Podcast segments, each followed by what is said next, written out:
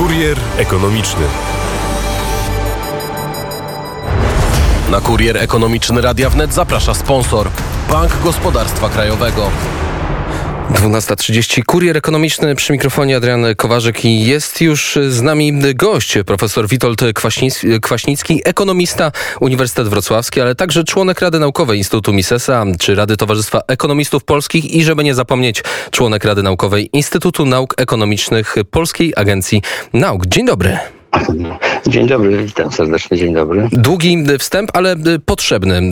A teraz spróbujemy przewrotnie sparafrazować pewne słowa z 2011 roku, wymierzone w premiera Polski. Tam padły takie słowa od jednego z mieszkańców, od jednego z rolników. Jak żyć, panie premierze? Więc ja zapytam pana, jak w aktualnej sytuacji gospodarczej, ekonomicznej, jak żyć, panie profesorze? to e, zależy indywidualnie od każdego z nas, e, jak żyć. No, trzeba po prostu obserwować e, tę rzeczywistość i starać się dostosować do warunków takich otoczenia. Mm, faktem jest, że to, co się w ostatnich paru latach dzieje, a teraz w ostatnich paru tygodniach związanych na przykład z inflacją, nie napawa optymizmem. Nie napawa optymizmem. I tutaj jest bardzo e, trudno odpowiedzieć na to. E, wie pan, e, mm, my powinniśmy myśleć w kategoriach pewnej, budowania pewnej relacji pomiędzy obywatelami a rządzącymi. I tutaj tak jak moglibyśmy w tych, w tych kategoriach mówić, to, to są takie dwa słowa, które wydaje mi się bardzo e, ważne, mianowicie zaufanie i oczekiwanie. E, e, jakakolwiek nasza decyzja jest oparta na tym, jak ja ufam innym i jakie są moje oczekiwania odnośnie przyszłości. No i to, jak żyć w kontekście relacji obywatel i państwo. E, tutaj w ostatnich półtora roku bardzo wiele niedobrego się stało. E, to zaufanie, które i tak nie było za duże y, dwa lata temu. Przez ostatnie półtora roku zostało e, bardzo nadszarpnięte e, i y, to jest jeden z najważniejszych błędów według mnie, jaką, jaki mm, uczyniła władza od czasu pandemii, od tego lutego, marca zeszłego roku, że zamiast myśleć o budowaniu zaufania, ta relacja, ta, ta przekaz był tego typu, że to zaufanie po prostu spadało. No ale słyszeliśmy, druga... że to była, że to była odpowiedź na oczekiwania, tak? Choćby te tarcze, które miały pomóc przedsiębiorcom i zwykłym Polakom. Powiedział pan profesor zaufanie i oczekiwanie. Takie zaufanie mhm. w stosunku do rządu, ale ono się też przenosi na przykład na walutę, która, wspomniał pan o inflacji wysokiej. Tak. Ostatnio złotówka jest coraz mniej warta, więc co dalej z tym zaufaniem i jakie są oczekiwania? No tutaj będzie bardzo ciężko. Zaufanie bardzo łatwo stracić, ale odbudować to zaufanie jest bardzo, bardzo ciężko. No i drugie słowo, które powiedziałem, to jest e, oczekiwanie. E, tu niestety e, E, zarówno instytucje państwowe, e, ale także Narodowy Bank Polski bardzo wiele e, z, złego zrobił. Jeżeli chodzi o, no, jeżeli już się skupmy na oczekiwaniach inflacyjnych, to będzie budowało bardzo niedobrą atmosferę. Ten przekaz, jaki Narodowy Bank Polski miał do obywateli, będzie miało bardzo długie, długotrwałe skutki takie negatywne. Ludzie oczekując, że ta inflacja będzie mm, duża, a nawet będzie jeszcze rosła, wbudowują to w swoje decyzje.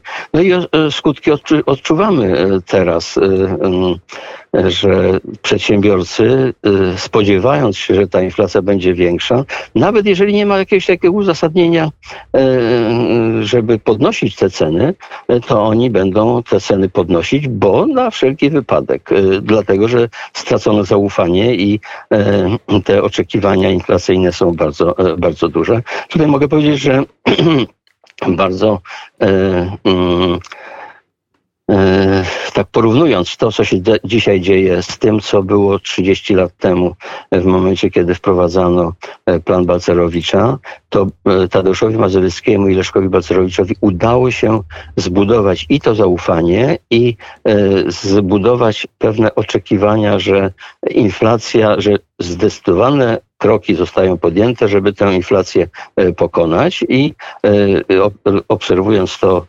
ludzie, że faktycznie w styczniu, lutym ta inflacja zaczyna spadać, to nabrali i zaufania i te oczekiwania inflacyjne były coraz to, to mniejsze. Tego niestety się nie dokonało teraz w ostatnich paru miesiącach. Ten przekaz był bardzo niespójny, zarówno ze strony rządu, jak i ze strony Narodowego Banku Polskiego. No i skutki tego odczuwamy teraz. No, wydaje, wydaje się, że uspójnił się nieco ten przekaz, e, choćby ostatnia konferencja, ostatnia sprzed kilku tygodni prezesa mhm. Glapińskiego, prezesa NBP-u, który powiedział, że jeżeli trzeba będzie, no to oczywiście będziemy interweniować, będziemy podnosić stopy procentowe. Była dwukrotna podwyżka. Pomiędzy słowami można było wyczytać, że będą kolejne. Prezes Glapiński powiedział, że to, co dzisiaj czyni Narodowy Bank Polski, zobaczymy efekty tego, czy raczej przeciwdziałanie tym efektom około stycznia, lutego. W takim razie, czy inflacja będzie maleć po tych ruchach? Czy one są mhm. wystarczające? Znaczy tak, przede wszystkim warto e, podkreślić, że te działania e, Rady Polityki Pieniężnej Narodowego Banku Polskiego są spóźnione e, o rok, no co najmniej o rok. To już powinny, stopy procentowe powinny być podnoszone już mniej więcej rok temu, e, spokojnie dawać sygnał, że tutaj e, Rada Polityki Pieniężnej i Narodowy Bank Polski e, obserwują i będą reagować. Ale mieliśmy drugie... sygnał, że grozi nam deflacja. To było w lutym czy w marcu tego roku.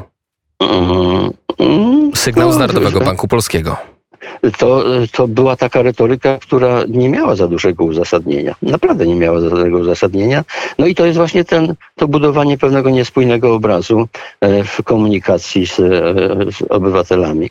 No a poza tym, jeżeli ludzie słyszą od prezesa, że e, mm, po to, żeby zwiększyć y, mm, dochody budżetowe, żeby ten zysk banku centralnego y, był większy i dzięki temu można byłoby wpłacić y, pieniądze do mm, rządu z tego zysku, to osłabia się złotówkę, no to w tym momencie jak możemy wierzyć w dobre intencje e, tych instytucji. No to w takim razie co teraz mógłby rząd, Narodowy Bank Polski, co te wszystkie organy, które mają wpływ na nasze życie, mogłyby zrobić, aby odzyskać to utracone, jak pan powiedział, zaufanie? Jak mogłyby ustabilizować sytuację? Czy to jest jeszcze w ogóle możliwe? E, no, w krótkim okresie czasu, w perspektywie dwóch, trzech miesięcy, to jest oczywiście niemożliwe, ale w dłuższej perspektywie wydaje mi się, że jest to e, możliwe. Gdyby y, udało się y, w ciągu najbliższych dwóch, trzech miesięcy poprzez odpowiednie działanie y, spowodować, że ta inflacja nie, nie będzie tak duża, jak ludzie oczekują, to ludzie że to będzie dwucyfrowa inflacja w lutym, marcu przyszłego roku. Gdyby się udało w ciągu najbliższych dwóch, trzech miesięcy utrzymać tę inflację na poziomie 7, maksimum 8%, a potem e, z, w wyniku procesu dezinflacyjnego zejść do tego 4 czy 5%, no to to zaufanie by na pewno e, wzrosło. W takim razie, jak pan odbiera słowa, poniedziałkowe słowa prezesa OECD, który, który powiedział, że w tym roku powinniśmy mieć PKB na poziomie 5%, w przyszłym prawdopodobnie też prognozy na 23 jeszcze nieznane, ale wtedy może to PKB lekko spaść. Jaka jest dzisiaj sytuacja polskiej gospodarki? No, wie pan, stale powtarzam to, że dzięki heroizmowi polskich przedsiębiorców y, sytuacja nie jest najgorsza, mimo tych kłód, które y, przedsiębiorcom się stawia. A w ramach Nowego Ładu widać, że to jest y, spotęgowane, mm, te, te kłody, to mm, ta sytuacja nie jest najgorsza to, jak powtarzam, heroizm polskich przedsiębiorców tutaj jest e, istotną, e, istotną rolę. Mm, no a e, no, bardzo niebezpieczne jest to, że dbając o pewne mm, skutki wyborcze w prowadzeniu nowego ładu, myśli się i to się przekaz, że 18 milionów osób zyska na tym, ale nie mówi się, że właśnie ta grupa, która jest mniej liczna, przedsiębiorców na tym straci i to dużo straci i to może spowodować mm, obniżenie aktywności gospodarczej polskich przedsiębiorców. I tu może być pewien negatywny skutek, chociaż jak pokazuje doświadczenie ci polscy przedsiębiorcy e, starają się, realizując oczywiście swoje e, cele takie no, osobiste firm, których, który, którymi kierują. E, oni no, mimo tych, tych ogromnych przeszkód starają się zaspokajać te ludzkie potrzeby. No, wspomniał Pan o tym heroizmie. Wydaje się, że ten heroizm polskich przedsiębiorców e, trwa od 30 lat i ciężko go e, złamać, ale e, może kiedyś mhm. nadejść taki moment, że środowisko będzie na tyle nieprzyjazne, że organizmy w takim środowisku wymierają. Jak Pan ocenia te 27, 26, już nie pamiętam, ustaw, które składają się właśnie na polski ład, bo z jednej strony słyszymy 18 milionów Polaków będzie miało z tego zysk, no część mhm. na pewno musi stracić, bo przecież musi być równowaga w tej sferze, zysk, w tym środowisku. Ten zysk jest iluzoryczny, bo ten zysk będzie na papierze, ale w momencie, kiedy ta inflacja będzie bardzo duża, to e, w tym momencie ten zysk może być po prostu iluzoryczny. E, wie pan, bardzo dużym e, niebezpieczeństwem jest pewne bardzo specyficzne potraktowanie Polskiego Ładu. Polski Ład powinien być pewną strategią rozwoju w perspektywie krótko i długookresowej. A to, co obserwujemy w ostatnich paru miesiącach, e, no, napawa mm, dużym e, pesymizmem. Nawet nie, nie chciałem powiedzieć o e, umiarkowanym pesymizmem, bo te działania legislacyjne, które powinny być nakierowane na budowanie pewnej atmosfery sprzyjającej rozwoju aktywności między innymi przedsiębiorstw, ale czy przedsiębiorców, ale także i obywateli, konsumentów, skierowane zostało na żeby tak powiedzieć bardzo delikatnie, na e, mm, działania zwiększające wpływy e, do budżetu. Czy to poprzez podatki, czy poprzez różne daniny, czy opłaty. I to jest bardzo zła perspektywa, bo myśli się tylko o tej jednej stronie.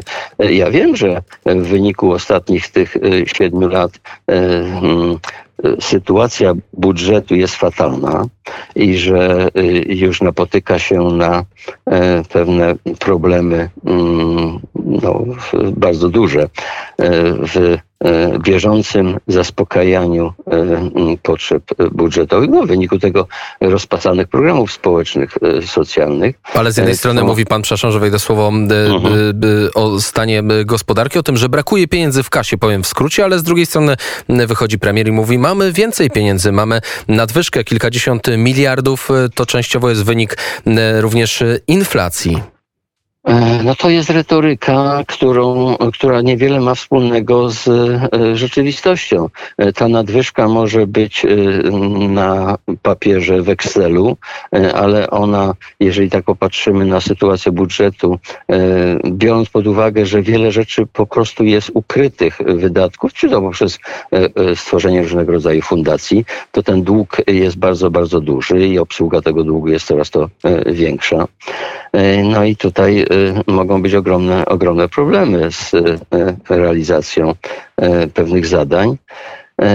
No a to, że jest ta inflacja, no to między innymi dlatego, że w ostatnich tych no, półtora, dwóch lat, no mówiąc bardzo nieładnie, wpompowano w gospodarkę ogromne masy pieniędzy. Miliardy. Dziesiątki miliardów. miliardów. Tak, tak. Y, I y, co najgorsze, no, wie pan, można powiedzieć, że tu jest podobieństwo tego, co było w, po 2008 roku, po kryzysie i teraz, tylko jest jedna zasadnicza różnica. Te luzowanie ilościowe, jak to się nazywa, po 2008 roku dotyczyło wspomagania instytucji finansowych przede wszystkim i te pieniądze nie miały takiej istotnego znaczenia przy no, na, na rozwój inflacji. Ale też skala Oczywiście tego dodruku była zupełnie inna. Przecież e, w tak. Polsce, ale no, zobaczmy Stany Zjednoczone. Tam e, jedna mhm. trzecia aktualnie dolarów, które są w obiegu, została wydrukowana w ciągu ostatnich dwóch lat. Mm, No to jest właśnie też, y, ale co najgorsze, właśnie te pieniądze trafi, trafiły do ludzi, którzy wydadzą, wydają te pieniądze na konsumpcję. Y, No i czymś normalnym, naturalnym jest wtedy, że y, ta inflacja jest bardzo duża. No bo jak to y, ekonomiści mówią y, za Miltonem Friedmanem, y, mm, inflacja jest zawsze i wszędzie zjawiskiem pieniężnym. Jeżeli się zwiększa podaż pieniądza w różny sposób, y, mm, to y, czymś naturalnym, normalnym jest właśnie pojawienie się tej inflacji. Y, Nie zrobiono jak nic, ani w Stanach Zjednoczonych, ani też w Polsce, żeby w jakiś sposób zneutralizować ten napływ dużej, dużej, dużej ilości gotówki w zeszłym roku, jeszcze na początku tego roku w, w jakiś sposób, y, żeby tą, tą, tą presję inflacyjną y, po prostu zmniejszyć. I tu Tutaj stawiamy- Tego, niestety. nie Tu musimy postawić e, trzy kropki, ale mam nadzieję, że uda nam się jeszcze wrócić do tematu i porozmawiać o tym, czy ekonomia sprzed 30 lat i sprzed y, i dzisiejsza ekonomia, czy to jest ta sama, czy już żyjemy w innej rzeczywistości. Mówił profesor Witold Kwaśnicki, ekonomista Uniwersytet Wrocławski. Dziękuję serdecznie i miłego dnia Dziękuję życzę. serdecznie. Dziękuję nawzajem. Do widzenia. Pozdrawiam i do usłyszenia. Mały wykład z ekonomii już za nami.